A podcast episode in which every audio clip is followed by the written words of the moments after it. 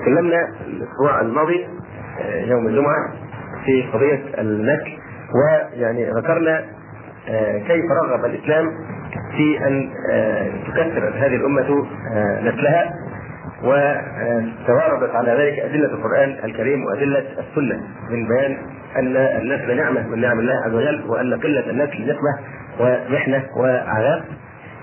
أيضا ذكرنا أن تكثير النسل من المقاصد العليا للشريعة الإسلامية ومعنى ذلك أنه لا يجوز بحال من الأحوال أن تتخذ دعوة عامه لأي يعني لأي فكر أو اتجاه يراقب مقاصد الشريعة الإسلامية العليا وإنما يجوز ذلك على سبيل الرخصة للأحاد أو أفراد الناس إذا احتاجوا لهذه الرخصة. ذكرنا أن النبي صلى الله عليه وسلم رغب في الزواج بل رغب في تحري أن تكون الزوجة ولودا وهو لم يرغب فقط في أن تكون الزوجة ولودا ولودا ولكنه رغب أيضا صلى الله عليه وسلم في أن تكون الأمة ولودا. فقال صلى الله عليه وسلم تناكحوا تناسلوا فإني مباهن بكم الأمم يوم القيامة. فمن أعظم مقاصد النكاح تكثير النسل المسلم. فعن معقل ابن يسار رضي الله عنه قال جاء رجل إلى النبي صلى الله عليه وسلم فقال إني أصبت امرأة ذات حسن وجمال وإنها لا تلد أفأتزوجها؟ فقال لا. ثم أتاه الثانية فنهاه. ثم أتاه الثالثة فقال تزوجوا الودود الولود فإني مكاثر بكم الأمم. هذا رواه أبو داود والنسائي وغيرهما. وفي لفظ فإني مكاثر بكم الأنبياء. وعن أنس بن مالك رضي الله عنه أن عمر بن الخطاب رضي الله عنه بعث رجلا على بعض السقاية فتزوج امرأة وكان عقيما كان هذا الرجل عقيما. فقال له عمر أعلمتها أنك عقيم قال لا. قال فانطلق فأعلمها ثم خيرها. يقول الدكتور محمد الصباغ حفظه الله إن غريزة الامتداد في الذراع والأحفاد لا يستطيع المرء السوي أن ينعم بها إلا عن طريق الزواج. فكما أحسن إليك والدك فكان سبب وجودك في هذه الدنيا فكذلك ينبغي بالنسبة إليك أن تقابل هذا الإحسان بالبر إليه والوفاء له. فتنجب للدنيا نفسة كريمة تتعاهدها بالتربية والتهذيب. تحيي اسم والدك ويكون عملها الطيب في سجلك. يقول الدكتور الصباغ حفظه الله ويكفي الممتنع عن الإنجاب عقوقا. أن يكون هو الشخص الأول الذي يقطع هذه السلسلة التي تبدأ بآدم وتنتهي به. أشرنا في الأسبوع الماضي أيضا إلى حكم العزل وبينا تفاصيل الأدلة المذكورة في الجانبين في حكم العزل وكيف أن العلماء قاسوا على العزل قاسوا عليه ما عداه من الوسائل التي يعني تمنع الحملة.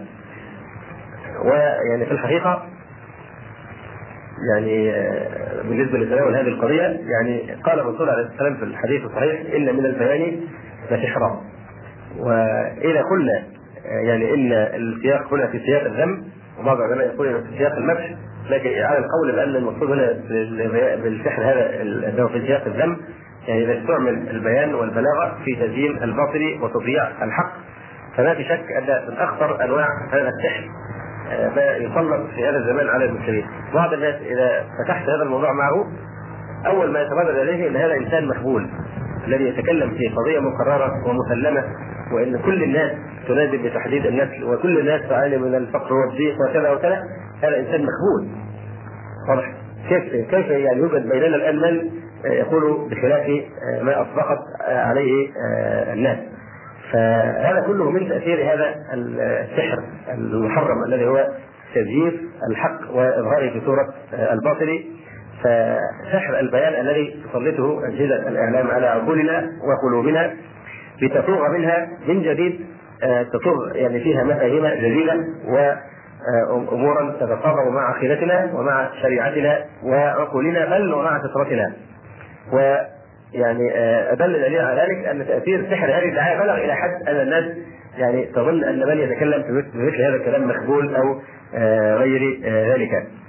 ولو رجعنا إلى المجلات الإسلامية التي كانت تذكر في بدايات ظهور هذه الدعوة حينما كان في الأمة يعني بقية من الوعي وعدم التحذير بالاعلام تجد هجوما عنيفا جدا بمنتهى القوة والصراحة من كافة علماء المسلمين ابتداء من يعني الشيخ الاصغر إلى الدعاء والعلماء والباحثين. إذا رجعتم أعدادا قديمة من مجالة الإسلام سوف تجدون مثل هذه المقالات كان العلماء يواجهون هذه الدعوة بمنتهى العنف ويكشفون أنها دعوة خبيثة يرعاها اعداء الإسلام لأمر يريدونه بهذه الأمة. ثم مر يعني الوقت رويدا رويدا حتى استفاغت الأمة هذه السموم وهضمتها وامتصتها وصارت تجري في آه، دماء في يعني آه، جسدها مجرى الدم في العروق. آه، والحقيقة أننا لم يعني مع الوقت صرنا يعني ننظر إلى الأمور بمنظار الغرب وبمنظار هؤلاء الكفار الخبثاء. ف يعني لم نكتفي في عقدة الأجنبي بأن استوردنا نتاج الزراعة أو نتاج الصناعة وإنما أيضا أخذنا فيما أخذنا نتاج أفكارهم ومقاصدهم آه، الخبيثة بنا. ف... وكثير من الناس منعون بتقديس كل ما يأتي من جهة الغرب تقديس هذه الأمور آه، بحيث يعني صار محبة الغرب وما يأتي به الغرب يعني كخمر كما يقولون خمر يعني مضى بها ما مضى من عقل شاربها وفي الزجاجة باق يطلب الباقي. فإرضاء الغرب لن يقف عند حد لكنه يظل آه، خطوة وراء خطوة ويستدرج الناس شيئا فشيئا حتى إن كانوا عن دينهم مصداق قوله تعالى ولن ترضى عنك اليهود ولا النصارى حتى تتبع ملتهم فقوله عز وجل ولا يزالون يقاتلونكم حتى يردوكم عن دينكم إن استطاعوا بلغ حد آه، يعني تأثير الإعلام في نفوس الناس وفي فطرتها إلى حد تنكيس المشاعر الفطرية لدى الأمهات والآباء. كما أشرنا من قبل حتى صارت الأم تجزع وجزعا شديدا إذا إذا بان حملها. جزعا قد يوازي جزع الأم الحموم الحنون التي ثكلت ولدها ليس لها ولد غيره. وربما آه، سعت لتتخلص من هذا القادم الجديد الذي يريد أن يحتل له يعني آه، مقعدا على مائدة الحياة. آه، تمكن هذا الإعلام الذي يسمونه الموجه وهو موجه في الحقيقة من تأصيل الشعور بالرعب والهلع. واصبح في خوف من الانفجار السكاني. شبح مخيف آه، يهدد الحياة على وجه الأرض. الانفجار السكاني الذي يوشك أن يفوض الأمة ويبقيها خرابا ينابا. سخرت كل أجهزة الاعلام المسموعة والمرئية والمقروءه لاستنفار الناس كافة إلى الاقتناع والتسليم بحتميه تحديد النسل على أعلى المستويات. حتى الإنسان يتكلم يكون زي التلميذ الشاطر. يقطع سياق الكلام ومرة واحدة يقفز إلى موضوع تحديد النسل وأنه الوحش والغول الذي يهدد الأمة التصرف وتحديد النسل كانما يعني درس لابد أن يلقن للأمة ولابد أن تنفذ هذه الإيه؟ التوجيهات سخرت جميع الجمعيات الهيئات الخيرية والمرافق من أجل خدمة هذا المبدأ ف يعني آه، لا يستغرب هذا المسلك العلماني من إعلام لا دين له لكن الغريب أنه حاول أن يوظف الدين ويسخر علماءه من أجل أداء نفس هذه المهمة. آه، والأغرب من ذلك أيضا أنه نجح في ذلك بالفعل. نجح فعلا في ان آه، يوظف كثيرا من هؤلاء في خدمة هذه السياسات التي تنافي سياسات الإسلام والمقاصد العليا والسياسات العليا للشريعه الإسلامية. ليس هذا أنه نجح في أن يسخرهم لخدمته بالفعل بل الأعجب من ذلك أنه فشل فشلا ذريعا في أن يستدرج واحدا من عباد الصليب كي يؤلف مقالة كتابا أو يكتب مقالة أو يقوم بأي نوع من الدعاية لهذه لهذا المبدأ الكنسي الخطير. بل على العكس نجد الأنشطة في داخل الكنائس تحظر وتحرم وتجرم وتهدد من يعني يقوم بتحديد النفس من هؤلاء النصارى. وتعليمات إلى الأطباء النصارى الا يشرعوا ابدا في تعقيم أي امرأة آه، نصرانية.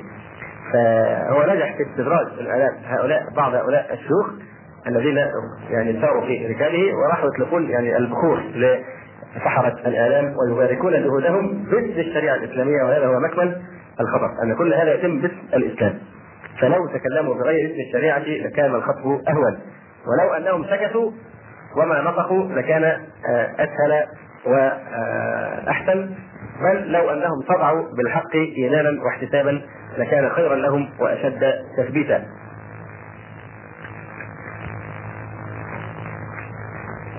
آه، أول ما يقفز إلى يعني أذهان الناس إذا أثيرت هذه القضية هو موضوع يعني اين هذا الكلام من الواقع الذي نعيشه الآن؟ الرزق آه، كيف يعني نتكافئ هذه الموارد كيف سنطعم الناس الزحام العجز عن الزواج مشكلات المواصلات قلة المال إلى آخر. هذه الأشياء التي آه، يعني آه، يهول الناس بها. ومن ثم نقول إن هذه القضية لها ارتباط وثيق بقضية العقيدة في الألوهية وفي الربوبية على حد سواء. فنحن إذا تدبرنا سور القرآن الكريم هم طبعا بيحاولون أن يبرزوا الناس اللي بيقولوا كلام الرزق ده والتوكل إن هؤلاء ناس سفهاء ما عندهم عقل ولا يحسنون الأمور فكأن هذا نوع من الهوى أن الإنسان يقول هذا الكلام وياتوا به في صور يعني مضحكة تثير سخرية الناس بحيث لا يبالون بمثل هذا الكلام لكن ينبغي ألا نتأخر ابدا يعني بمثل هذه الأساليب آه، التي يصد بها عن دين الله عز وجل. إذا تدبرنا القرآن الكريم نجد كثيرا من السور السور تهتم بقضية الرزق وتربط بينها وبين السلوك البشري. يربو عدد الآيات التي تناولت قضية الرزق في القرآن المجيد على 200 نص. كلها تؤكد حقائق ثابتة وأداها أن الرزق من الله تعالى وحده وهو مالك اسبابه لا شريك له في ذلك. وأن هذا الرزق مضمون عند الله عز وجل ما يحتاج شركات تأمين كاذبه مرابيه آه، غالبه ولا يحتاج لأي شيء سوى يعني أن تستجلب هذا الرزق من عند الله بطاعة الله تبارك وتعالى. آه الإنسان له الكسب فقط عليه أن يكسب، أما الرزق فهذا أمره إلى الله تبارك وتعالى. فإن الله هو الذي يبسط الرزق لمن يشاء ويقدر. فقضية الرزق هي قضية الصراع الطويل بين الأحياء غير أن الله عز وجل لم يترك الإنسان ليهلك في هذا الصراع المريض. أنزل الله تبارك وتعالى تعاليم تقوم سلوك الإنسان في قضية الرزق. فمن مظاهر ذلك أن الله عز وجل أوجب على المسلمين الإنفاق وفرض عليهم الزكاة وأمرهم بالتعاون والتراحم والتكافل مبينا لهم أن المال مال الله وأنهم مستخلفون فيه. كذلك حرم الله تبارك وتعالى على الناس السلوك المالي المنحرف كالربا والكسب الحرام والغش والإستغلال إلى آخره. وبين الله عز وجل مع هذا أن الأولاد مصدر إضافي منفصل للرزق. فيجب الإنسان يكون عنده يقين. الرزق ربما ربما الرزق الذي يأتيك وهو لا يأتيك لأجلك أنت.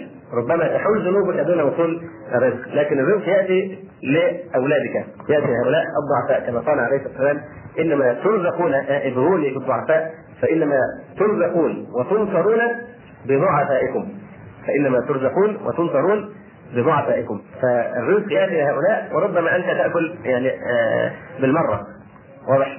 وتكون الذنوب قد حالت دون اتيان رزقك. يعني كما جاء في بعض الآثار إن إن العبد لا يحرم الرزق بالذنب يصيبه. ف يقول الله تبارك وتعالى ولا تقتلوا أولادكم خشية إملاق. نحن نرزقهم وإياكم. خشية إملاق يعني هذا في الفقر المتوقع.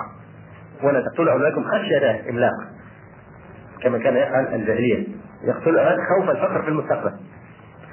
فحيث خشوا الخوف المتوقع قال تعالى نحن نرزقهم وإياكم. فبدأ برزق الغائبين قبل رزق الحاضرين أنه مضمون. اما في الفقر الحاضر فقال تبارك وتعالى ولا تقتلوا أولادكم من إملاق. هو الواقع مش المتوقع نحن نرزقكم وإياهم. فالشيء واضح تماما في آه، ان الإنسان لا يقتل ولده ابدا خشيه أن يطعم معه. فهذه من كبائر الذنوب. آه، أن يكون منع الحمل أو تقليل النسل بسبب الخوف من الفقر أو الخوف من نقصان الرزق. فبطلت بهذه الآية نحن نرزقهم وإياكم. بطلت دعوى أصحاب فكرة تقليل النسل من أن إنجاب الأولاد يضيف عبئا اقتصاديا على العائلة. وقد تصح دعواهم إذا كان الأبوان هما اللذان يخلقان الرزق. إذا كان الأب هو الذي يخلق الرزق وهو الرزاق ففي هذه الحالة نعم. صحيح إذا كثر عليه الأولاد الذين يخلق لهم الرزق واضح. سوف يكون عبئا شديدا عليه لأنه بشر وطاقته وطاقته محدوده لكن إذا كان الأب والأم والأولاد وكل من في الأرض فقراء إلى الله عز وجل والله هو الذي يرزقهم وهو الذي يضمن لهم بقوله نحن نرزقهم وإياكم. فكما انفرد بالخلق انفرد بالرزق. فكما لا يخلق إلا الله لا يرزق إلا الله تبارك وتعالى وقال عز وجل يا أيها الناس اذكروا نعمة الله عليكم هل من خالق غير الله يرزقكم من السماء والأرض؟ هل من خالق غير الله يرزقكم من السماء والأرض؟ هذه آه هذا وجه ارتباط هذه القضية بالعقيدة كما تعتقد أنه لا يخلق إلا الله فتعتقد أن الرزق بيد الله وحده لا شريك له في ذلك أبدا. وضمن الله تبارك وتعالى الرزق لكل المخلوقات. يقول تبارك وتعالى وما من دابة في الأرض إلا على الله رزقها. من الذي يعطينا المطر؟ من الذي ينبت لنا من الأرض؟ من الذي يعني يرزقنا ماء النيل؟ آه، النيل يقولون مصر هبة النيل. هذا شرك. النيل يهب الله آه، آه، يعني النيل هبة الله تبارك وتعالى. هو نعمة. فكيف نعبد النعمة ونترك واجبها ونكفر الله عز وجل. المقصود يعني أن أمر الرزق مضمون بلا ربا وأي خلل في هذا هو خلل في العقيدة. يقول عز وجل وكأي من دابة لا تحمل رزقها الله يرزقها وإياكم. وفي الحقيقة لو ذهبنا نستقصي جميع أو ما استطعنا من أنواع الأحياء وتفاصيل ضمان الرزق لها سوف نعجب عجبا شديدا جدا. أنت نفسك من ضمن لك رزقك وأنت في بطن أمك؟ كيف من من الذي يعني يرزق الإنسان وهو في بطن أمه؟ النمله في آه، جحرها آه، طريقة التعايش أو التطفل أو التكافل بين الحيوانات والكائنات الحية آه، وكيف يكون الرزق يرزق هذا عند ذاك قصص كثيرة جدا سنخرج عن الموضوع إذا يعني أردنا أن نذكرها بالتفصيل. يقول الله تبارك وتعالى: وكأي من دابة لا تحمل رزقها الله يرزقها وإياكم. فإذا كان يرزق الدابة فكيف بمن كرمه ولقد كرمنا بني آدم؟ ويقول عز وجل ما عليك من حسابهم من شيء ولا تطرد الذين يدعون ربهم بالغداة والعشي يريدون وجهه. ما عليك من حسابهم من شيء. أنت غير مسؤول عن نفسهم ولا من حسابك عليهم من شيء فتكونهم فتكون من الظالمين. نعم. ويقول عز وجل وترزق من تشاء بغير حساب. ويقول تبارك وتعالى إنما نعد لهم عدا. فكل إنسان له رزق ونصيب مقدر من الله. تبارك وتعالى. كل هذه المعاني التي نتكلم فيها لأن الغربيين ومن وراءهم من الكفار لا يوقنون بهذه المعاني ولا ولم يسمعوا عنها ولا يحسوا بمعناها. فلذلك تنحصر أفكارهم في الجوانب المادية والمحسوسة. لكن مثل هذه العقائد لا ينعم بها إلا من نور الله قلبه بنور الوحي والتوكل عليه عز وجل. فحتى الأنفاس التي تتنفسها مكتوب لك عدد هذه الأنفاس. وتنزل الدنيا ولك عدد آه، محدد من الأنفاس. كم شهيق وكم زفير كم آه، جزء من جزء من الأكسجين أو ذرات حتى سوف تدخل جسمك وتخرج. واضح. إنما نعد لهم عدا فالحقيقة الإنسان أول ما ينزل الأرض يبدأ العد التنازلي في هذا العدد الذي آه، يعني جرى به القلم منذ الأزل. وذكرنا أيضا الحديث وسياتيه الملك ويؤمر بكتب أربع كلمات. فمن هذه الكلمات التي تكتب قبل أن تخلق فرزقه نعم. فقال عليه الصلاة والسلام اتقوا الله وأجملوا في الطلب. فإن روح القدس نفث في روعي أنه لن تموت نفس حتى تستوفي رزقها. يعني هونوا على أنفسكم ولا يعني تشترطوا في طلب الرزق. هونوا على أنفسكم. اتقوا الله وأجملوا في الطلب. يعني هونوا على أنفسكم. اهدأوا. فإن روح القدس نفث في روعي هذه طريقة من طرق الوحي. أنه لن تموت نفس حتى تستوفي رزقها. لا يمكن أن يموت إنسان قبل أن يأخذ رزقه الذي كتبه الله له تبارك وتعالى. بل يقول النبي صلى الله عليه وسلم لو أن ابن آدم يهرب من رزقه كما يهرب من الموت لأدركه رزقه كما يدركه أجله. فتخيل هذا الأمر. كما أن عندك يقين أن ملك الموت إذا جاء لا يؤخر ولا يطرد ولا يؤجل فكذلك إذا حضر رزقك فلا يمكن ابدا أن يحول أحد بينك وبين هذا الرزق. وفي الحديث المعونة تأتي على قدر المؤونه النبي صلى الله عليه وسلم لو توكلتم على الله حق توكله لرزقكم كما يرزق الطير تغدو خماصا وتروح بطانا ألا هذا المرتابون الذين يشككون في رزق الله تبارك وتعالى. لو توكلتم على الله حق توكله لرزقكم كما يرزق الطير تغدو تغدو خماصا تخرج في الصباح خماصا يعني آه، فارغه المعدة المعدة. وتروح بطانا حينما تعود قد امتلأت بالطعام والرزق. من الذي يعني رزق هذه هذه الطيور الضعيفة الهزيلة التي ليس لها عقل ولا إمكانيات من الذي يرزقها إلا الله تبارك وتعالى. ولذلك نهى الله عز وجل وشدد النكير على من يقتلون أولادهم خوف الإملاق خشية الإملاق. يقول عز وجل وكذلك زين لكثير من المشركين قتل أولادهم شركائهم ليردوهم من الردى والهلاك ليردوهم وليلبسوا عليهم دينهم ولو شاء الله ما فعلوه فذرهم وما يفترون وقال تبارك وتعالى قد خسر الذين قتلوا أولادهم سفها بغير علم وحرموا ما رزقهم الله افتراء على الله قد ضلوا وما كانوا مهتدين. قال بعض العلماء في تفسير قوله عز وجل وحرموا ما رزقهم الله. قال إن الرزق يشمل الطعام والشراب ويشمل فيما يشمل الذرية. فكذلك يدخل في هذه الآية الذين حرموا آه، على أنفسهم نعمة التناسل وانجاب الذرية. ويقول عز وجل وإذا الموءودة سئلت بأي ذنب قتلت. وقال عز وجل ولا تقتلوا أولادكم خشية إملاق نحن نرزقهم وإياكم. وقال أيضا ولا تقتلوا أولادكم من إملاق نحن نرزقكم وإياهم. آه قد يقول بعض الناس يعني إن تحديد النفس ليس قتلا. في الحقيقة ليس قتلا للنفس. آه نقول لكنه يتفق مع القتل في الباءة عليه. فما الذي نهاه الله على هؤلاء الناس المشركين في الجاهلية؟ أنهم كانوا يقتلون اولادهم خشية آه الإملاق.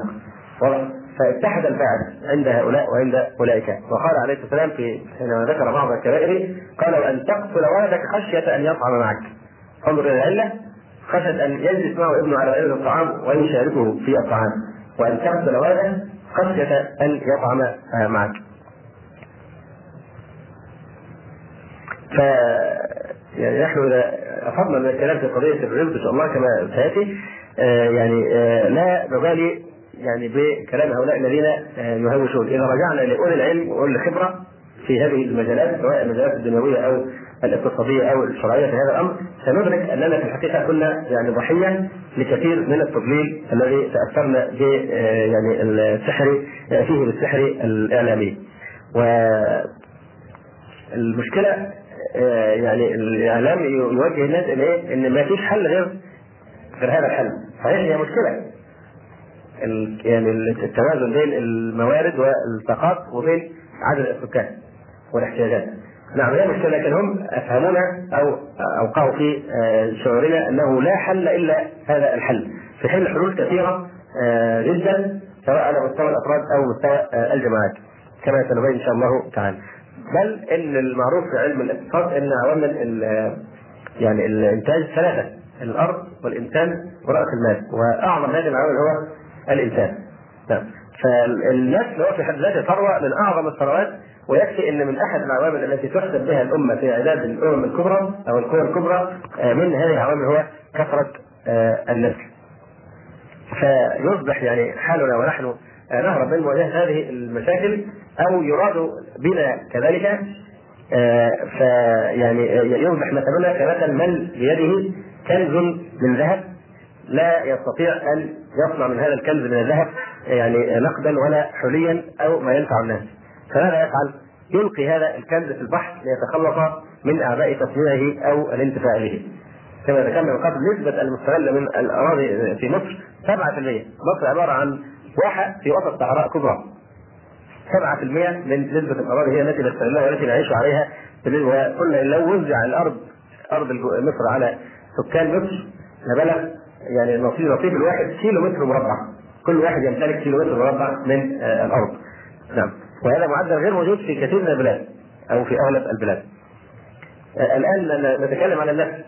حينما في أوقات أخرى تجد يخرج التصريحات رغم عنهم أن يعني آه انظر كيف بيهتز اقتصاد البلد لما يحصل خلل في تحويلات المصريين الايه العاملين بالخارج. هذا أليس هذا مثلا أم هؤلاء خشب وجمادات؟ هؤلاء آه، انسان هؤلاء بشر وهذه ثروة من أعظم الثروات الآن آه، يعني تخدم الاقتصاد وهي تحويلات المصريين الذين هاجروا وعملوا في الخارج.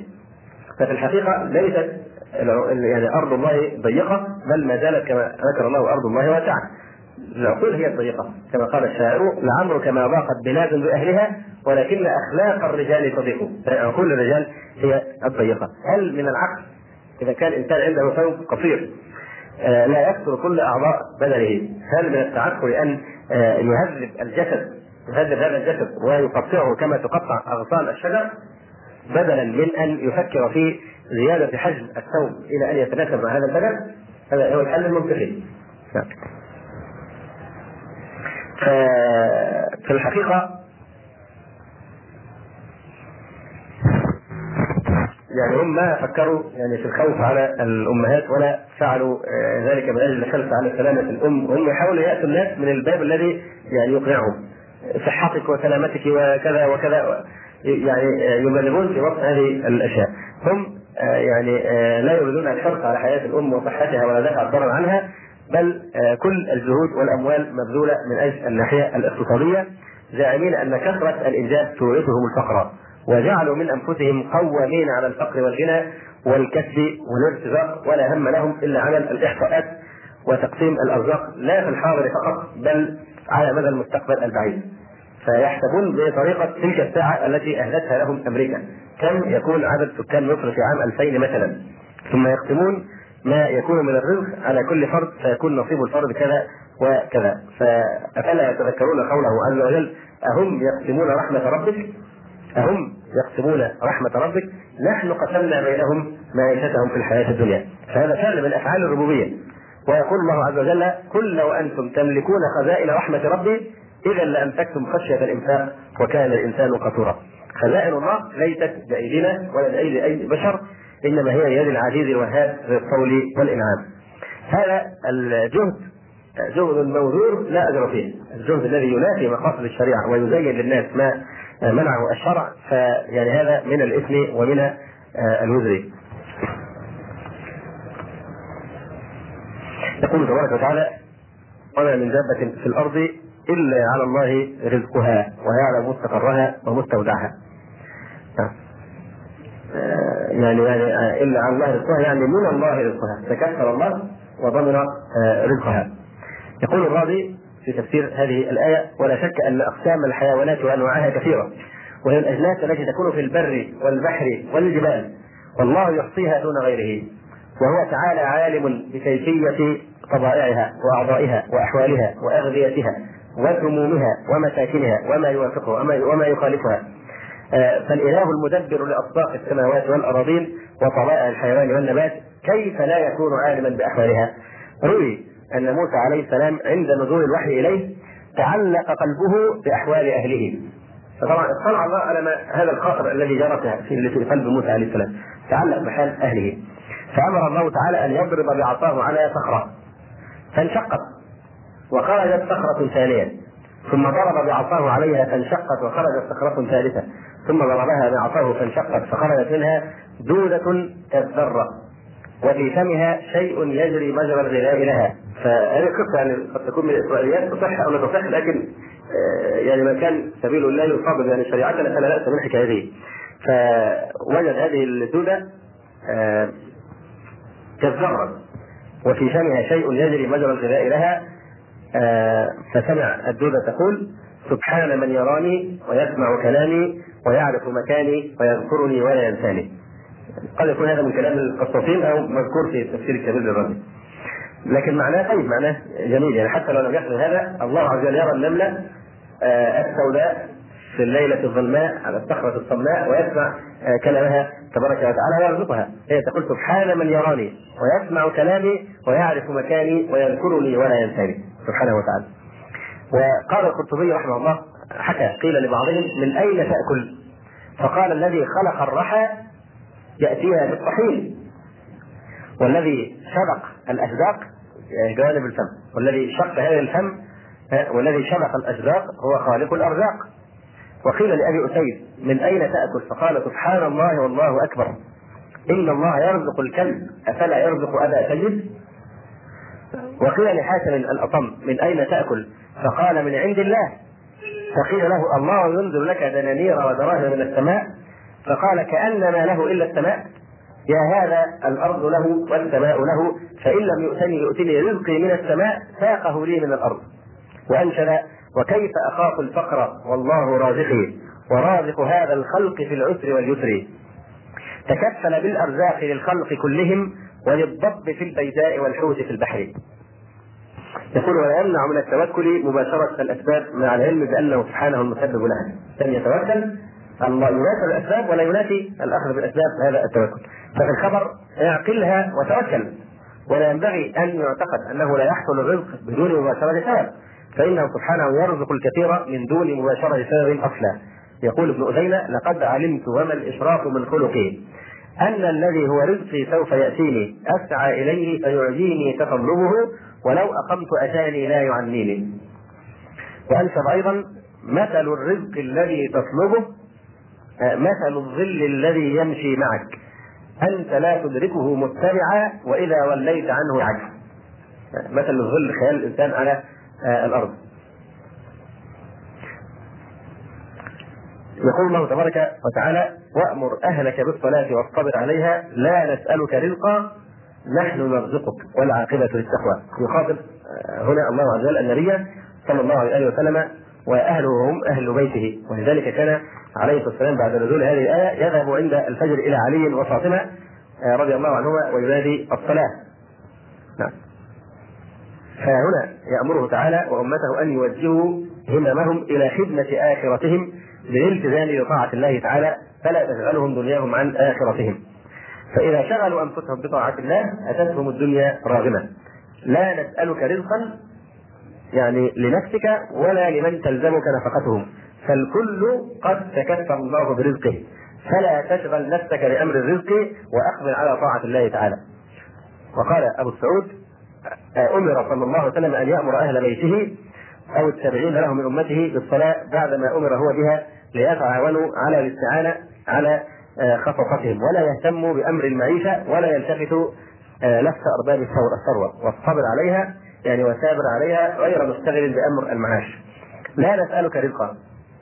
يعني مش نسألك رزقا لا لا. يعني لا نكلفك أن ترزق نفسك ولا أن ترزق أهلك. نحن نرزقك. نحن نرزقك. والعاقبة للتقوى.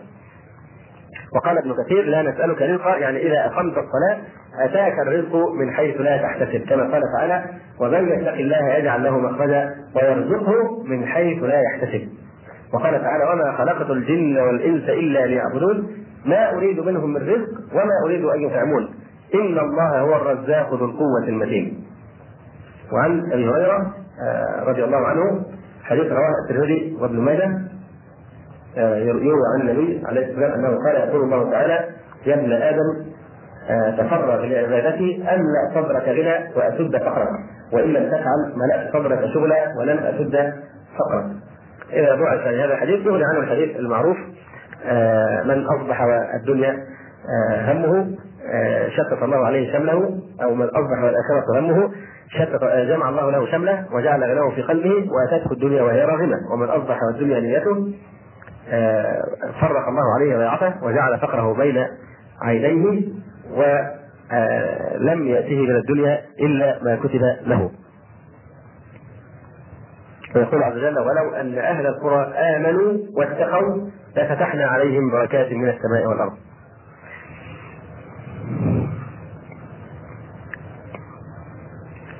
ويقول عز وجل الله لطيف بعباده يرزق من يشاء وهو القوي العزيز. فقوله لطيف أي حفي بهم أو بار بهم أو لطيف بالبر والفاجر حيث لم يقتلهم جوعا آه، بمعاصيهم وما من دابة في الأرض إلا الله رزقها ويعلم مستقرها ومستودعها كل في كتاب مبين. وقال عز وجل وفي السماء رزقكم وما توعدون فورب السماء والأرض إنه لحق مثلما أنكم تنطقون. وفي السماء رزقكم قد يقصد بالسماء هنا المطر. وفي السماء أي المطر. لأنه ينزل من جهة العلو. آه ويكون المعنى وفي المطر رزقكم. لأنه سبب للإنبات في الأرض. يرتزق منه الإنسان والحيوان في الغالب. أو يكون المقصود السماء حقيقة السماء ويكون المعنى عند ذلك. وعند الله تعالى في السماء تقدير أرزاقكم حسب ما كتبه الله عز وجل في اللوح المحفوظ.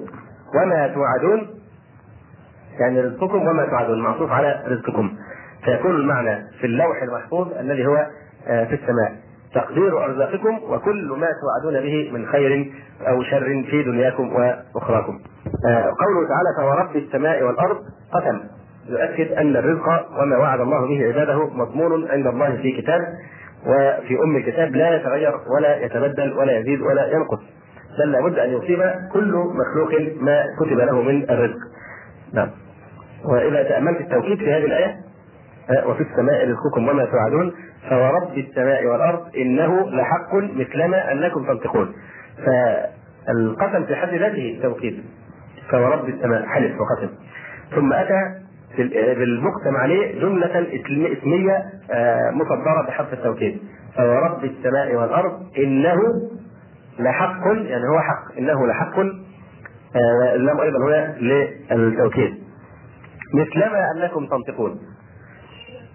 واختار النطق مثلا على يعني مثلا على توكيد الرزق وضمانه لدى الخالق جل وعلا لأنه سالم مما يشبهه. يقول بعض الحكماء كما أن كل إنسان ينطق بنفسه ولا يمكنه أن ينطق بلسان غيره فكذلك كل إنسان يأكل رزقه ولا يمكنه أن يأكل رزق غيره. يقول آه، بعض العلماء إن في هذه التوكيدات الكثيرة في موضوع تكفل الله تعالى بالرزق لابد وأن يكون لسر من الأسرار. وذلك السر هو ما في النفس البشرية من جحود ونكران وتخوف وتشكك في هذه المسألة بالذات. والله تعالى عليم بخبايا النفوس فلما علم ما في النفوس البشر من التخوف والتشكك أكد لهم ذلك بكل هذه التأكيدات ليذهب من نفوسهم ذلك الخوف والشك فسبحان الذي يعلم من خلق وهو اللطيف الخبير. آه يقول الإمام القرطبي رحمه الله قال الحسن بلغني أن نبي الله صلى الله عليه وسلم قال قاتل الله أقواما أقسم لهم ربهم بنفسه ثم لم يصدقوه. قال الله تعالى فورب السماء والأرض إنه لحق. قال الأصمعي هذا يعني كلام القرطبي. آه وقال الأصمعي أقبلت ذات مرة من مسجد البصرة إذ طلع أعرابي جلف جاف على قعود له متقلدا سيفه وبيده قوسه. فدنا وسلم. وقال ممن الرجل؟ قلت من بني أصمع. قال أنت الأصمعي؟ قال نعم. قال ومن أين أقبلت? قلت من موضع يتلى فيه كلام الرحمن. هذا الرجل وصف انه أعرابي جلد يعني آه، نعم. فمحمد هو من من ذكائه الاصمعي يعني إيه فتح له الباب حتى يستوضح ويستزيد ويستفيد. فقال له من أين أقبلت؟ قلت من موضع يتلى فيه كلام الرحمن. قال وللرحمن كلام يتلوه الآدميون. قلت نعم. قال فاتل علي منه شيئا. فقرأت والذاريات ذروه فالحاملات وطرا فالجاريات يسرا فالمقسمات أمرا. إلى قوله تبارك وتعالى وفي السماء رزقكم. فقال يا اصمعي حسبك ثم قام إلى ناقته فنحرها وقطعها بجلدها وقال أعني على توزيعها. ففرقناها على من أقبل وأدبر. ثم عمد إلى سيفه وقوسه فكسرهما ووضعهما تحت الرحل وولى نحو البادية وهو يقول وفي السماء رزقكم وما توعدون. يعني من شدة لما استحضر الآية فانفق هذه الناقة في وجه الله وذبحها وأطعم بها المره وهو يبتغي ان وهو واثق أن رزقه سوف يعني يزيد بذلك ولن ينقص لماذا؟ الضمان عند الله. وهذا المعنى جاء في حديث صحيح. حلف النبي عليه الصلاة والسلام أيضا على شيء ربما بعض الناس إذا سمعته من غيره يعني يقض يعني ان يعني يتقبله. قال ثلاث احلف عليهن. ما نقص مال من صدقة ابدا. فلا يمكن ابدا أن المال ينقص الصدقه، بعض الناس تتصور العكس من ذلك، لكن حلف على ذلك رسول الله صلى الله عليه وسلم وهو الصادق المصدوق الذي لا ينطق عن الهوى. إن هو إلا وحي يوحى. ما نقصت صدقة من مال. ولا زاد الله عبدا بعفو إلا آه إلا عزة. نعم. آه يقول وولى نحو البداوة ويقول في السماء للحكم وما توعدون. فنقدت نفسي ولمتها الأصمعي نقت نفسه ولمها آه يعني آه على أساس إنه يعني تسبب بإن هذا الرجل إيه انتهى إلى أنه إما أنه يعني آه، ذبح الناقه ووزعها وإما أنه استنقص نفسه أمام هذا الأعرابي الجائز واضح شعر أنه أقل منه مثلا يقينا الله أعلم. يقول فبين آه ثم حججت مع الرشيد فبينما أنا أطوف إذا أنا بصوت رقيق. فالتفت فاذا أنا بالأعرابي وهو ناحل مصفر. هذيل الجسم مصفر اللون. فسلم علي وأخذ بيدي وقال اتل علي كلام الرحمن. وأجلسني من وراء المقام. فقرأت والذاريات ذروة حتى وصل إلى قوله تعالى وفي السماء رزقكم وما توعدون فقال الأعرابي لقد وجدنا ما وعد الرحمن حقا لقد وجدنا يعني كان وقع منه أن الله أخلف عليه وبارك له في رزقه بعدما ذبح هذه أو نحر هذه النار. ثم قال وهل غير هذا؟ يعني عندك شيء ثاني من كلام الله؟ قلت نعم. يقول الله تبارك وتعالى عن المقصود ان بعد هذه الآية وفي السماء رزقكم وما توعدون فورب السماء والأرض إنه لحق مثلما أنكم تنطقون فصاح الأعرابي وقال يا سبحان الله من الذي أغضب الجليل حتى حلف من الذي اغضب الجليل حتى حلف. ألم يصدقوه في قوله حتى ألجأوه إلى اليمين؟ فقالها ثلاثا ثم خرجت بها نفسه.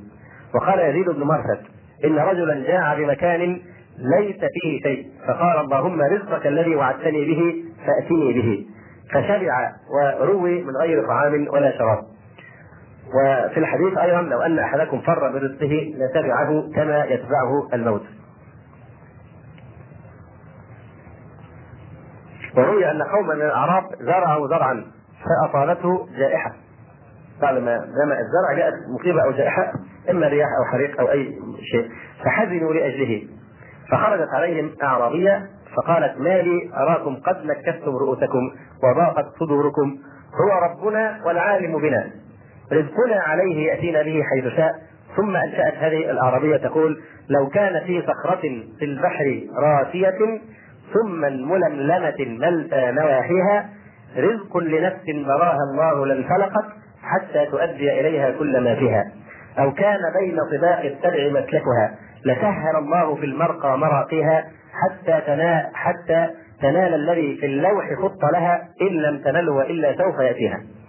يعني الرزق لو كتب في اصعب مكان لابد لكان قد كتب لك سوف يأتيك الابيات لو كان في صخرة في البحر راسية ثم ململمة ملتى نواحيها رزق لنفس براها الله لانفلقت حتى تؤدي إليها كل ما فيها أو كان بين طباق السبع مسلكها لسهل الله في المرقى مراقيها حتى تنال حتى تنال الذي في اللوح خط لها إن لم تنله والا سوف يأتيها.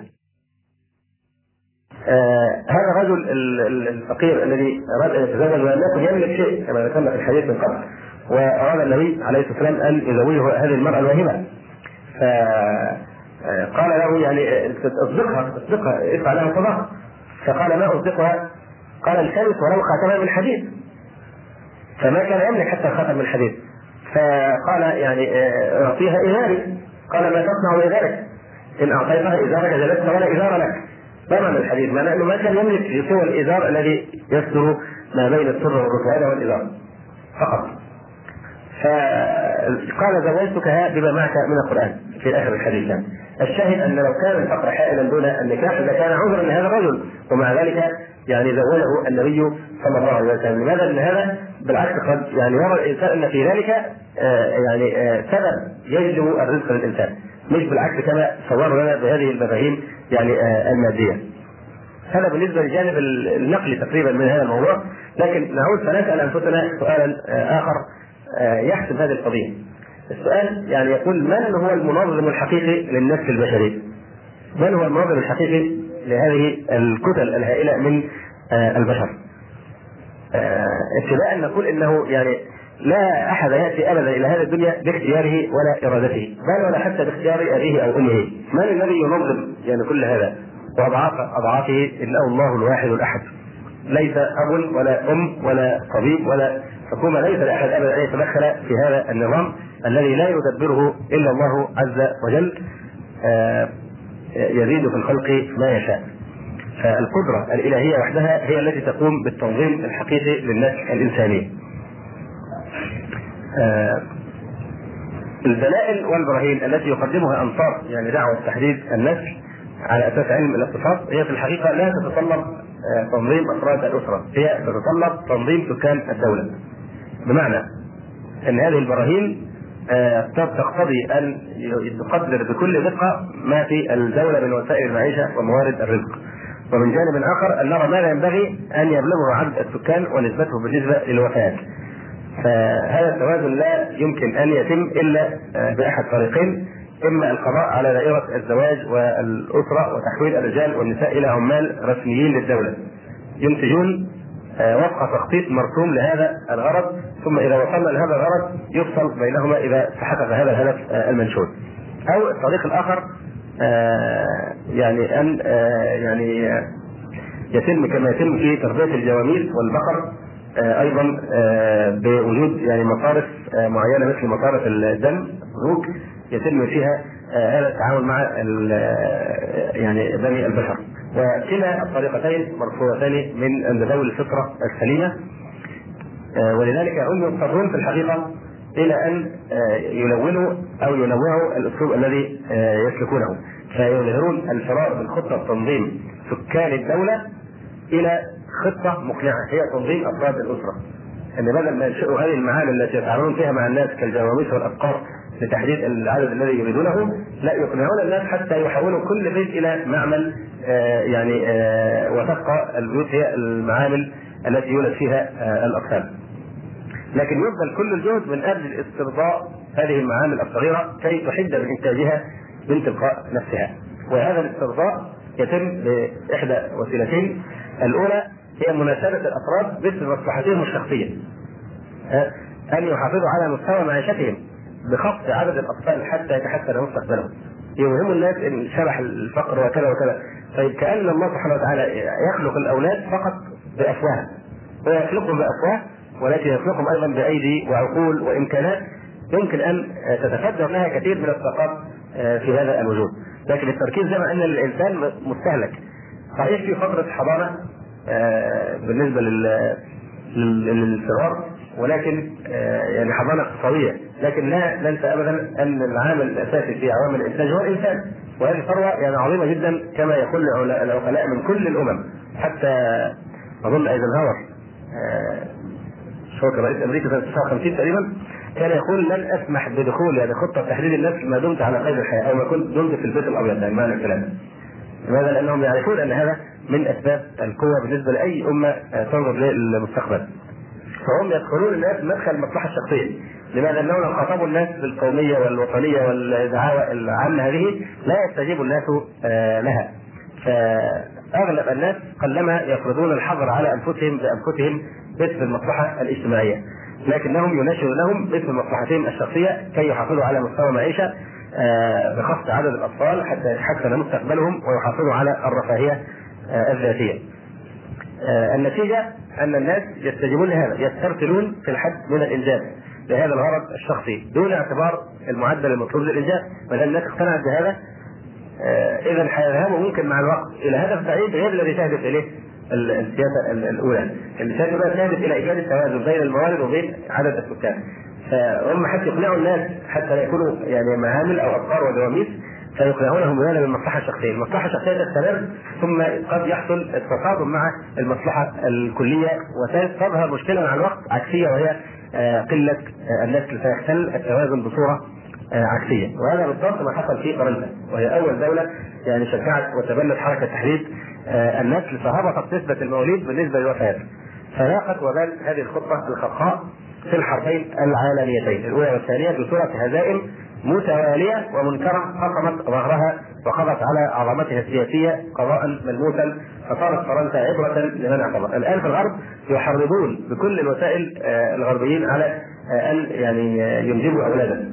يعني حتى في ألمانيا يعطون مكافآت وإغراءات تفوق الوصف للألمان حتى ينجبوا فيقول الشعب الألماني الحكومة تغرينا حتى ننجب يعاندون الحكومة و يعني ويكرهون أن ينجبوا يعني أطفال.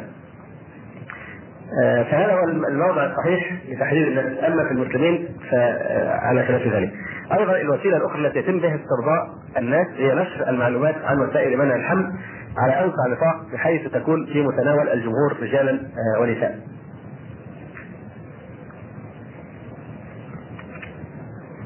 الأهداف التي على ذاتها انتشرت دعوة تحديد النسل في أوروبا هو المشاكل الاجتماعية والمدنية. لأن الحضارة الغربية قامت على أساس المساواة الكاملة بين الرجل والمرأة والاختلاط المطلق بينهما والرغبة في التخلص والتملص من تبعيات هذه الإباحية التي يعيشونها.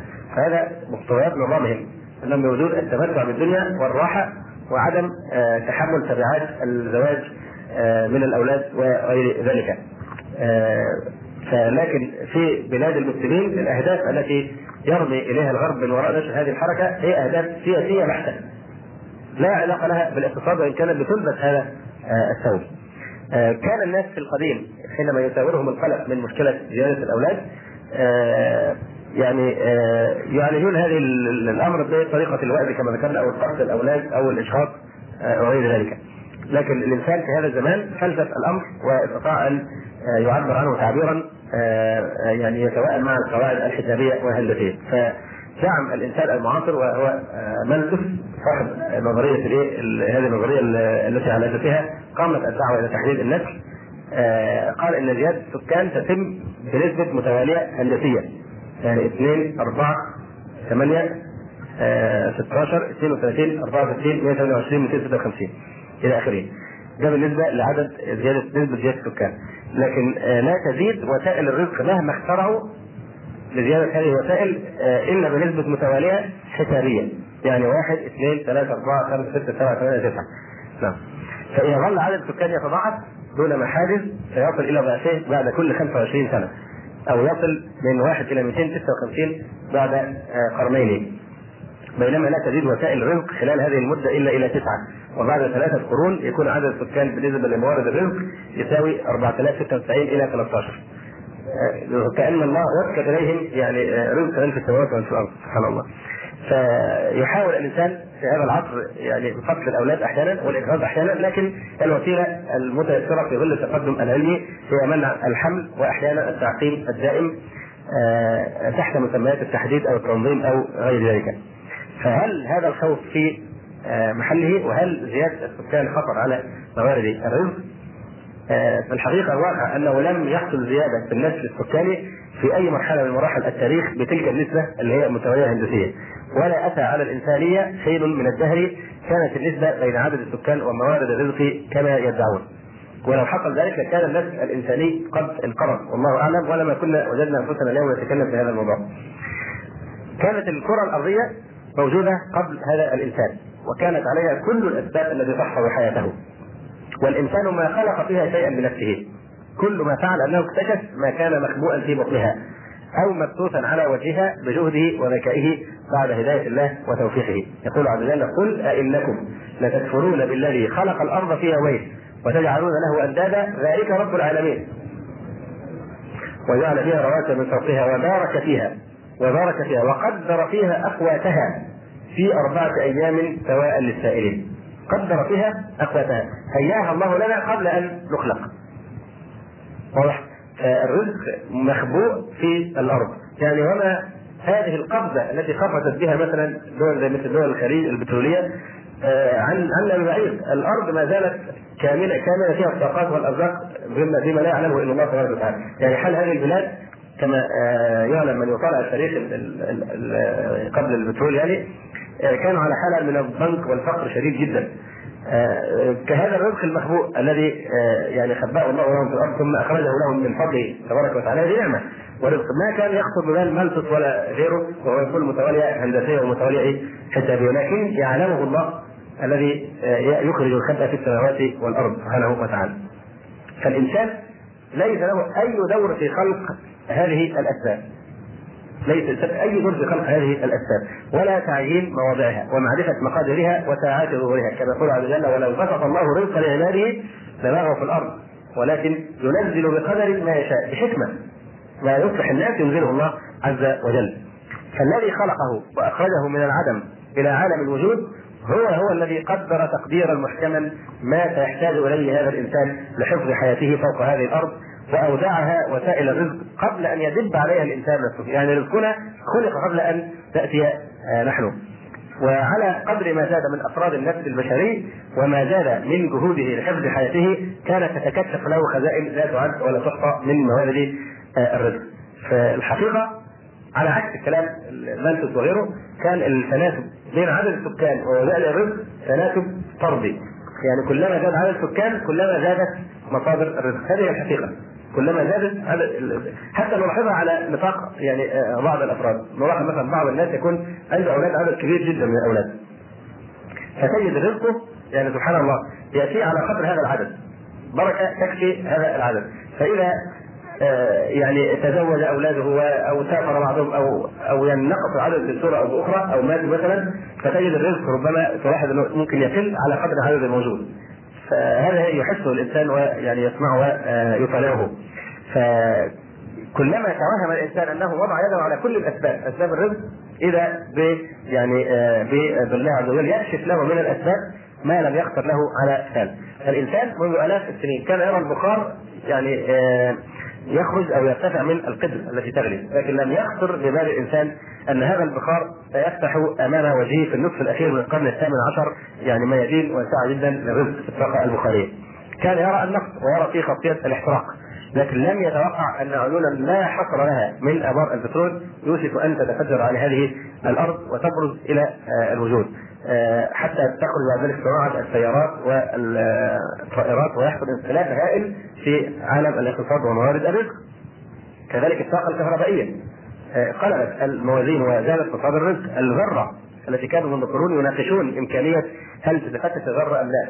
وإذا بنا في هذا القرن نجد الذره تتفتت لتخرج من خزانتها يعني آه، طاقة هائلة جدا آه، لم يكن يتخيلها آه، الإنسان. أيضا مما ينبغي أن نتذكره دائما أن زيادة عدد السكان لا يعني فقط كما يعني يشوش هؤلاء المرجفون زيادة الأفواه الآكلة. لكن هي في نفس الوقت زيادة عدد الأيدي العاملة والمنتجة. وكما اشرنا يعني بموجب علم الاقتصاد عوامل الإنتاج ثلاثة الأرض ورأس المال والإنسان وهو أهم وأكبر هذه العوامل. آه، فهم يعني متعصبو تحديد النفس ومتطرفوهم يصرون على أنهم لا يرون في الإنسان إلا عاملا استهلاكيا فقط. نعم حتى الإنسان الضعيف الذي يكون عنده أولاد كثير بمرور الوقت وتمر فترة الحضانة الاقتصادية هذه يصبح هؤلاء الأولاد منتجين وهم الذين يرعون يعني أباهم في الكبر ينفقون عليه آه، ويرعون ويرعون اشقائهم إلى آخره فهي في الحقيقة يعني ليست استهلاكية فقط كما يصور القوم لكن الواقع يشهد بخلاف آه ذلك. آه أيضا كما يقولون الحاجة أم الاختراع فزيادة السكان هو أنها تحفز آه لمزيد من دواء العمل وحوافزه. فإذا زاد السكان بيحصل بحث وسعي وراء مصادر الرزق فيحصل تعمير أكثر لهذه الأرض. فيبحث الانسان عن رزق في الأراضي البكر يستصلح الأراضي البور يبحث عنه في أعماق البحار في المناجم وإلا لو قنع الإنسان بالموجود لا آه، يعني تبلد وكسل نعم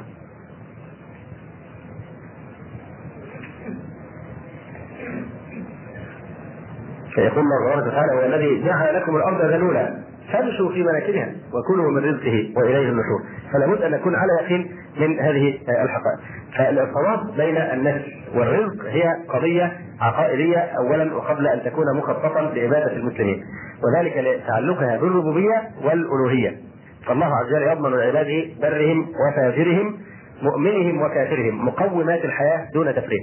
أنت حياتك روحك الذي في بدنك والتي سر أنت ما تعرف عنها شيء. واضح. آه، قلبك الذي يدق وينبض وأنت مستيقظ وأنت نائم بطريقة لا إرادية. أين الموتور الذي يشغلها واين الجهاز الذي يشغله؟ من الذي يحفظ لك هذا القلب وكل وظائف الجسم تعمل؟ آه هذه يعني سوف تبقى مقومات الحياة إلى أجل يعلم الله مداه حتى آه أما من ناحية أفعال الربوبية فمعنى الربوبية التربية وتوفير مقومات يعني آه الحياة. من الذي يؤمن لنا الهواء الذي نتنفسه؟ الماء الذي نشربه. الشمس التي هي عامل مهم جدا في استقامة حياتنا. آه، استقرار الأرض.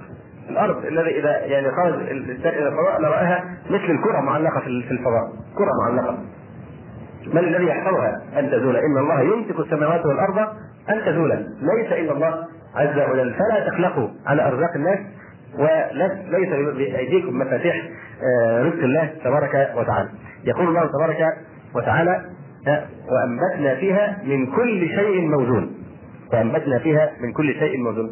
فظاهرة التوازن كما سنبين إن شاء الله من ضوابط الخلق التي ضبط الله بها هذا الخلق. في توازن بين المخلوقات وبه تستقيم آه، آه، تأمل مثلا مسألة ظاهرة الإنهار والإبحار. منذ أن خلق الله عز وجل الأنهار ووصلها للبحار الظاهرة مستمرة. الأنهار تصب في الإيه؟ في البحار. لا الأنهار جفت ولا البحار امتلأت. من الذي يملك ذلك؟ هو الله تبارك وتعالى. من الذي ينزل يعني ينظم نسل الأسماك في الماء والطيور آه، في الهواء والحيوانات على الأرض. لا شك هذا لا يعني لو أن الوحوش كثرت كثرت بحيث كانت اضعافا مضاعفة آه، أكثر من الأدميين لأهلكتهم. هل هناك هيئة تنظيم أسرة المستقبل عند الأسود والوحوش والنمور؟ آه لا إنما يدبرها الله. هذا ليس إلينا نحن. أسرة المستقبل المظلم والله أعلم. فالذي يحتاج إليه الإنسان هو الخبز وليس اقراض من آه الحمل هذا تصرف سلبي في مواجهه المشاكل الانسان يخرج ما عنده من الطاقة ويستفرغ وسعه في البحث عن مصادر آه الرزق. ويخلقون أنفسهم بعد خمسين سنة بعد ألف سنة مصر حيكون شكلها إيه ومستقبلها إيه. بعد يعني 100 سنة حتى والله أعلم يعني الذي نعلمه جيدا هو أننا سنموت جميعا. لكن آه، الارزاق هذه ليست الينا آه، أيضا هناك أمر مهم وهو ما نختم به إن شاء الله الكلام اليوم. آه، إن في خلاف يعني كما يذكر يعني علماء الاقتصاد الاسلاميون في خلاف جوهري بين الاقتصاد الاسلامي وطريقته في التعامل مع هذا الوجود باعتبار إنه ينبثق وينطلق من منطلق إيماني بالغيب وبالرزق. وبين الاقتصاد المادي أو الاقتصاد السياسي. اقتصاد علماء الاقتصاد يقولوا إن الندره هي الأصل الندره أصل من أصول آه، الخلق. آه، أما الإسلاميون فيقولون إن الندره ليست أصلا من أصول الخلق لكن الندره اللي هي قلة موارد الرزق يعني آه، مجرد ظاهرة. ظاهرة بيكون لها أسباب وعوامل. كأن يعجز الإنسان عن أن يستفيد بما في الأرض من خير. يعني الإنسان قاصر عن الإحاطة وعن التنظيم إلى مستويات كافية ليستوعب ما خلقه الله للجنس البشري من رزق. يعني الأشجار كثيرة في الأرض لكن الإنسان عاجز عن أن يقطع هذه الأشجار ويهذبها كي يستفيد منها. كذلك آه، عند الإنسان ميل إلى التقليل من التضحية والشقاء في سبيل كسب العيش. فإذا استطاع الإنسان أن يأخذ عن طلب الرزق ونهائيا وفي نفس الوقت يتناعم بكل ما يرغب فيه فهو لا يتردد في ذلك فهذا أيضا من عوامل آه، الندرة. آه، يتلف الناس أيضا كثيرا مما ينتجونه كأجهزة الدمار وأدوات التخريب المعروفة كالأسلحة وغير ذلك والحروب البارية والظالمة هذه كلها من أسباب وعوامل حصول هذه الندرة فيتلف جانب كبير من المنتج. آه، يأتي إلى جانب ذلك التظالم الذي يكون بين الناس في قسمة الأرزاق وعدم العدل آه، في ذلك. حتى يصل الأمر إلى حد الإتلاف. يعني الندره تحصل آه، مثلا في بلاد مثلا زي أمريكا أحيانا عشان يحافظوا على سعر مثلا القمح ويكون الناتج كبير. الناتج المحصول كبير جدا. فعشان يحافظوا على السعر الراسماليين ياخذوا الكمية دي ويلقوها في البحر. لأن عشان قانون إيه؟ العرض والطلب. فيقلل المعروض حتى يزداد الطلب عليه ويحصل كثافه السوق. فسيبقوا لها في آه، المحيط. فالاقتصاد الإسلامي يقرر أن الأصل في الخلق هو الوفره الأصل هو الوفره وليس الندرة إيمانا ويقينا بأن تقدير العزيز الحكيم القاهر فوق عباده آه، ويقتضي ذلك.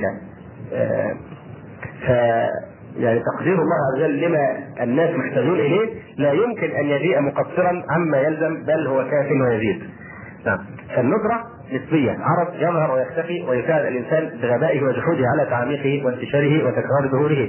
آه، يقول عز وجل قل انكم لتكفرون بالذي خلق الأرض في يومين وتجعلون له أندادا. ذلك رب العالمين. وجعل فيها رواسي من فوقها وبارك فيها وقدر فيها اقواتها في أربعة أيام سواء للسائلين. آه، هناك في هذا الخلق ضوابط، الموضوع مش ماشي سبهلله، هناك ضوابط وقوانين وسنن تحكم هذا آه، الوجود. نحن نعرف تطور الغربيين لقضية الألوهية يعني إذا تكرموا وأقروا أن في إله. هم يقولون إن هذا إله خلق العالم فحركه ثم تركه. وانتهى كل شيء. خلق العالم وحرك العالم وتركه بعد ذلك. واضح؟ أما نحن ف آه، يعني آه، ايماننا بالله عز وجل معرفتنا بصفات الله على النقيض تماما من ذلك. فالله عز وجل لا يترك خلقه هملا أفحسبتم أنما خلقناكم عبثا وأنكم إلينا لا ترجعون؟ فكل شيء في هذه الدنيا في هذا الوجود يجري ويسري حسب آه، قوانين تحكم كل شيء في هذا الوجود. فالكوكب الذي نعيش فيه لم يخلق دون هذه القوانين المحكمة. آه، وقد ثبت ذلك بالمشاهدة وبالبحوث العلمية جيلا بعد جيل أن هذه الضوابط شاملة وثابته ومن أهم هذه الضوابط التوازن والوفرة وغير ذلك. نتكلم فقط على هذين الأمرين. فبالنسبة للتوازن التوازن هو حالة من النسبيه يتحقق بها الوضع الأمثل. هذا معنى التوازن. حالة من النسبيه يتحقق بها الوضع الأمثل. قد يكون في التوازن تكافؤ تام مثل كفه الميزان. فيها في توازن في كفتي الميزان يعني معناها إن هذا يساوي الكفة دي تساوي دي فهو تكافؤ تام في غير التكافؤ الثاني يكون تناسب. آه، بوجود هذه النسب والمحافظة عليها يصلح شأن الخلق بوجود ذلك. فمثلا أمر عدد الرجال والنساء. يمشي بنسبة آه، فيها نوع من التوازن بحيث يكاد يكون عدد الرجال موازيا ومساويا لعدد النساء وقد تكسر هذه القاعدة يعني نادرا. آه، مثلا آه، نسبة السكر في الدم مثلا نسبة كريات الدم البيضاء في نسبة للحمراء مثلا تكون مثلا البيضاء مثلا 6000 في الملي جرام والحمراء مثلا تكون 8 ملايين. فهذا توازن مش تكافؤ تام. فبمثل هذا التوازن يكون هذا السائل الحيوي في حالته المثلى. فكل شيء في العالم بقدر وبميزان مضبوط ومحكم بما في ذلك النسل الذكور الاناث أيضا في حالة الاقتصاد هناك توازن بين الموارد والطاقات هناك توازن بين المواد الغذائية وبين البشر بين كمية الماء وجملة البشر في أي زمان ويحصل به هذا التوازن. أما مصدر هذه الحقيقة حقيقة التوازن وأن الله لا يغفل تعالى الله عن ذلك يعني عن تدبير أمر عباده وضمان الرزق لهم فمن القرآن الكريم آية صريحة وواضحه في سورة الحج. يقول عز وجل والأرض مددناها وألقينا فيها رواسي وأنبتنا فيها من كل شيء موزون. وأنبتنا فيها من كل شيء موزون. هذا معنى التوازن الموجود. ثم إن المشاهدات العلمية المستمرة أيضا تؤكد ذلك. نعم. آه كذلك آه يقوم آه من ضوابط هذا الخلق الوفرة. وهي أن يعني ما في الأرض من الأمور الطيبة والموارد الجافه أو السائلة والطاقات يتواجد بالعكس مش ندره تتواجد بكثرة تزيد على حاجة آه الانسان. فقانون الوفرة عندنا يعارض قانون الندرة عند الغربيين فيجب التفريق يعني آه بين آه الاتجاهين. فالندرة قد تقع لكن لها اسباب كنوع من الضوابط لكن ليست هي الأصل فمثلا الأحياء المائية. الأحياء المائية في البحار والمحيطات. هل يشك أحد أنها تفوق حاجة الإنسان في أي وقت؟ هي تفوق حاجة الإنسان في أي وقت. ومع ذلك تقل الأسماك في بعض الأوقات وتختفي وتتذبذب الاسعار وترتفع حتى ترهق الناس. فالنظرة تقع لكن بأسباب لكن الأصل أن الإيه؟ أن الأرزاق يعني موجودة وبحيث تساوي يعني احتياجات هذا الخلق. على أي حال هذا ما تيسر من تناول بعض ما يتعلق بهذا الموضوع فيما يتعلق بالرزق وارتباط موضوع تحديد النسل بقضية الرزق، الإنسان لابد أن يكون عنده يقين أن الذي خلق هو الذي يرزق وأنه لا يرزق أحد سوى الله تبارك وتعالى وأن الله كما يخلق فلا يمكن ابدا أن يدع خلقه هملا إذا خلق الافاق يخلق لها الطعام، المسألة الإنسان يسعى ويكد ويأخذ بالأسباب فيسر الله له الرزق. ومع ذلك نؤمن إيمانا جازما أن رزق الله لا يعني يجره حرص حريص ولا كراهية كان. فكل ما كتب الإنسان سوف يناله وإنما التوكل يكون بالأخذ بالأسباب لكن الرازق الحقيقي هو الله. كما قال عليه الصلاة والسلام لو أنكم تتوكلون على الله حق توكله لرزقكم كما يرزق الطير. تغدو خماصا وتروح بطانا أقول قولي هذا وأستغفر الله ولكم. سبحانك اللهم ربنا وبحمدك. أشهد أن لا إله إلا أنت. أستغفرك وأتوب إليك. السلام عليكم ورحمة الله وبركاته. أيها الإخوة انتهت مادة هذا الشريط. ولأنه بقي في الشريط متسع فيسرنا إكماله بهذه المادة. الشاب لدين الله ماذا عليه إذا أراد التوبة إلى الله عز وجل. آه إذا سب الدين يقصد دين الإسلام. فإنه يصبح ذلك مرتدا يرتد عن دين الله عز وجل ولا يظهر كما ذكرنا في مناسبة أخرى بالجهل فانه لا يجهل أحد وجوب تعظيم الله عز وجل حتى اليهودي والنصراني ما من أحد يجهل أن الله عز وجل يعظم. فالسب والاستهزاء والعياذ بالله هذه ردة وخروج عن دين الإسلام. ويترتب على ذلك مباشرة أن ينفسخ عقد نكاحه. ينفسخ عقد النكاح ما هو طلاق. ينتهي تماما ويجب التفريق بينه وبين زوجته. ثم يطبق يعني عليه كثير من الأحكام مثل قوله صلى الله عليه وسلم من بدل دينه فاقتلوه. يعني أنه يستتاب فإن كان والا قتل ردة. وله أحكام. ان إن بقي في الدنيا بعد سب الدين آه، لسبب أو لآخر فكما قلنا ينفتح عقد نكاحه ويجب مفارقه زوجته له يكتب آه، ولايته على أولاده لا يصلح أن يكون وليا لابنته ذات في الزواج. أيضا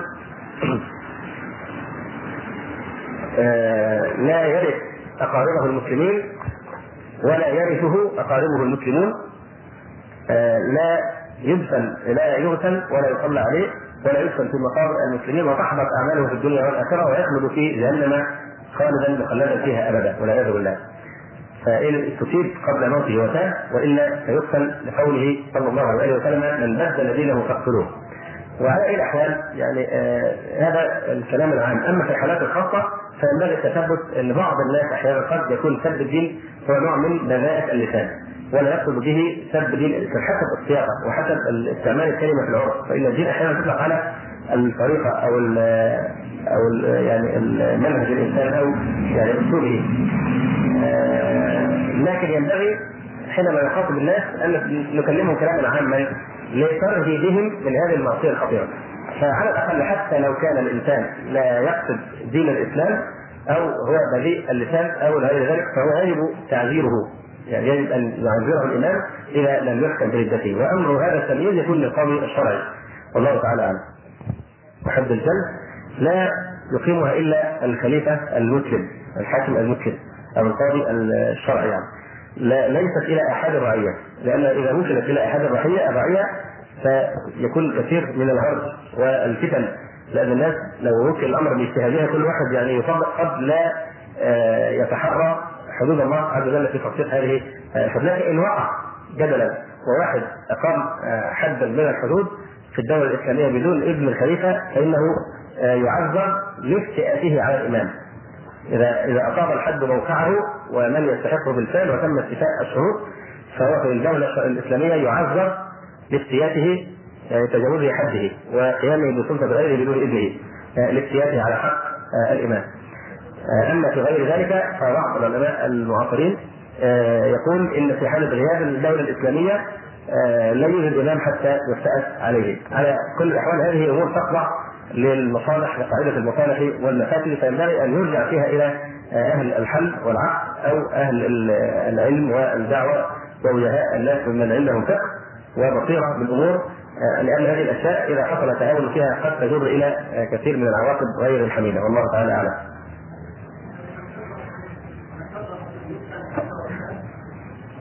اما سب الرسول صلى الله عليه وآله وسلم فإنه يقتل وإن تاب. إن تاب تنفعه التوبه في الآخرة. أما إن لم يتب آه، آه، أما إن لم يعني إن تاب تنفعه التوبه في الآخرة ولا تنفعه في رفع العقوبة عنه في الدنيا. لماذا؟ لأن الأمة آه، نائبة عن الرسول صلى الله عليه وسلم في الانتصار لعرضه عليه الصلاة والسلام. في حياة النبي صلى الله عليه وسلم ربما وقع سب فعسى هو لأنه صاحب الحق. أما الأمة فلا تملك ان تتنازل عن هذا الحق لأنها نائبة عن الرسول صلى الله عليه وسلم. إن تاب فتسقى السقى إن لم فتسقى السقى وإن تاب فهي قد تنفعه في الآخرة. والله أعلم. أما في الدنيا فلا تسقط عنها هذه العقوبه والله أعلم. طيب نعطي اولويه للاسئله المكتوبة. لانها جاءت قبل الأسئلة التحويه أنا من البداية قلت لكم تسألوا. نكمل نعم أنت قبلنا تفضل.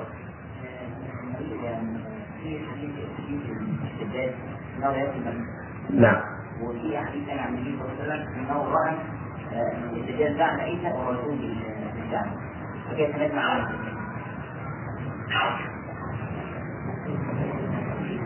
رأى المسيح الدجال في مكة؟ بعد بعد طواف عيسى. أيوه هذا تمثيل. هذا أمر مجرد يعني الرسول عليه السلام ضرب آه، مثلا بذلك وهذا لم يكن وقع يعني هذا تمثيل مثل له ذلك عليه الصلاة والسلام لكن هل هذا وقع بالفعل؟ على الاقل نحتاج إلى آه، تتبع الروايات بدقه ولو كانت مكتوبة يكون أوثق فتكون مكتوبة ولا نستوثق اولا منها إن شاء الله. يقول النبي صلى الله عليه وسلم من صلى علي 100 مرة في ليلة الجمعة أو يوم الجمعة غفر له ذنوب 83 سنة فهل هذا الحديث صحيح أم ماذا؟ ما أعتقد إنه صحيح والله أعلم. يسأل ما حكم بدء المحاسبة من مسألات ذكرت طيب ممكن تقول الأسئلة ما حكم بدء المحافل والمناسبات بقراءة القرآن؟ أما قراءة القرآن في حد ذاتها فلا شك هي أفضل ذكر على الإطلاق فإن لم نتقرب إلى الله عز وجل بشيء أفضل مما خرج منه وهو كلامه المجيد تبارك وتعالى. وكان الصحابة ربما اجتمعوا فأمر النبي صلى الله عليه وسلم أو أمر يأخذ منهم أن يقرأ والباقون يستمعون. فما في بأس من قراءة القرآن في المحافل بل هذا مستحب لكن لا على أن يتخذ عادة ثابتة وسنة راتبة حتى يتوهم الناس أن ذلك من الدين. فتقطع بين الوقت والآخر ولا يداوم عليها. والله تعالى أعلم. أخذ يداه في, في الافتتاح بالذات يعني. لكن هذه بدعة إضافية. بدعة إضافية مشتبهة. فتقطع بين وقت وآخر أو يغير الوقت. وهكذا. والله تعالى أعلم.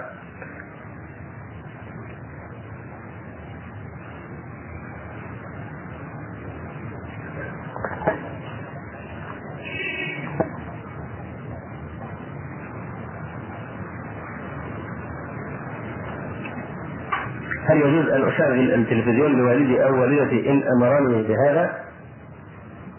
إن كان أمرك بأن تشغله من أجل مشاهدة يعني يعني سماع القرآن مثلا القرآن الكريم أو شيء ليس فيه برنامج ما في شيء من المحرمات وهذا عزيز جدا فلا ثمة بأس من ذلك. أما الغالب فهو أنه لا يخلو بالمعاصي أقلها رؤية الفاسقات المتبرجات سماع الموسيقى ربما يعني مشاهد سيئة أو خليعة. وغير ذلك. فحسب ما يؤدي إليه هذا الأمر. إن كان يؤدي إلى محرم فلا ينبغي أن تتسبب في ذلك. على أي الاحوال لا طاعة لمخلوق في معصيه خالقه وينبغي عليك أن تبين لوالديك أنك مستعد لطاعتهما وامتثال أمرهما في كل ما يرضي الله عز وجل. فإن كان في ذلك معصية فقد قال عليه الصلاة والسلام لا طاعة لمخلوق في معصية الخالق. كان يكرههما فيما فيه معصية لله ورسوله صلى الله عليه وسلم.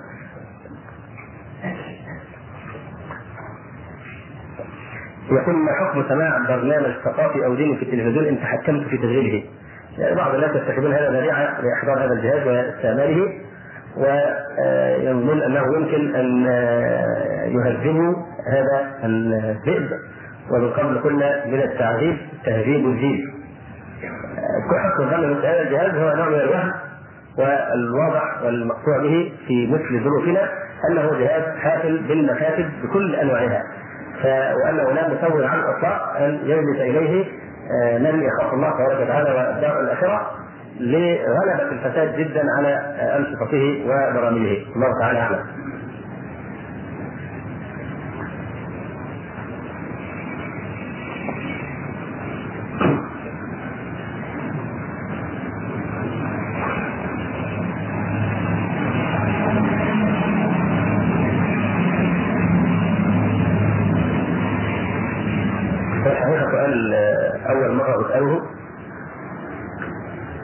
يقول هل أنت من الفرقة الناجية؟ الله المستعان.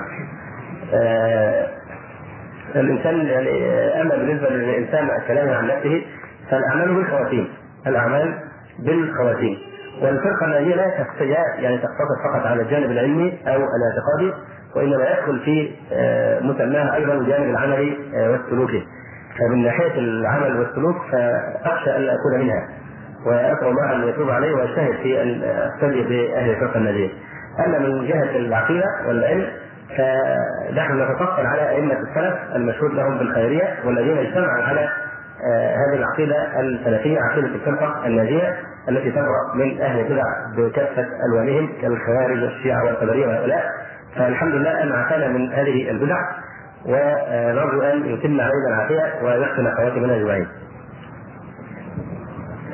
يقول الأخ ما هو موقفنا مما يحدث الآن في الجزائر وجزاكم الله خيرا. نعم. أما ما يحدث في الجزائر فهو في الحقيقة ليس جديدا. ما يحدث في الجزائر شيء متوقع ولعل آه يعني من الخطأ الذي يكون قد وقع فيه إخواننا والله أعلم فإن الشاهد يعني يرى ما لا يرى الشاهد يرى ما لا يرى النوائب. نحن الله أعلم باعذارهم لكن عموما الظاهر يعني أن إخواننا يعني كانوا محتاجين من يعني للإلمام أكثر بتاريخ الدعوات الإسلامية وأسلوب الحكام الطغاه في التعامل مع الدعوة الإسلامية وأيضا يعني مدارسة التاريخ وبالذات التاريخ المعاصر الذي سبق فيه كثير من التجارب التي تحاول الإصلاح والتغيير عن طريق ما يسمى بالحل البرلماني عن طريق القنوات الشرعية. فهذه القنوات الشرعية بالنسبة للمسلمين ممنوع الشرب منها، ممنوع العبور فيها، ممنوع الاستحمام فيها، ممنوع أي شيء، ما عدا المسلمين دائما هم يستثنون من هذه القنوات المسماة بالشرعية. ف يعني هذه طبيعة الكفر واتباعه. والشهيري بالجديد والله أعلم سواء فعل ذلك اجلا أم عاجلا أو لم يفعل فالمتوقع أيضا أن تتدخل هذه الدول الكافرة لمواجهه الإسلاميين وبالذات فرنسا وقد وقع بالفعل أنهم أمدوا هذا الطاغيه بكل المدد في الفترة الأخيرة المادي والمعنوي من أجل مساندته حتى تنهض الدعوه الإسلامية في الجزائر وتحقق مآربها. الذي نستطيع هو أن نكون معهم منذ قلوبنا وأن ندعو الله عز لهم أن يمكن لهم وينجيهم من هذا الظالم الطاغية وأن يأخذه وإخوانه من الظالمين أخذ عزيز مقتدر فهذا ينبغي أن نجتهد في الدعاء إخواننا وأن نشاركهم بقدر المستطاع ولو بالدعاء فقط. فهذا يعني أقل شيء ينبغي أن يقدم. فنكتفي اليوم بهذا القدر. أقول قولي هذا وأستغفر الله لي ولكم. سبحانك اللهم ربنا وبحمدك. أشهد أن لا إله إلا أنت. أستغفرك وأتوب إليك. السلام عليكم ورحمة الله وبركاته.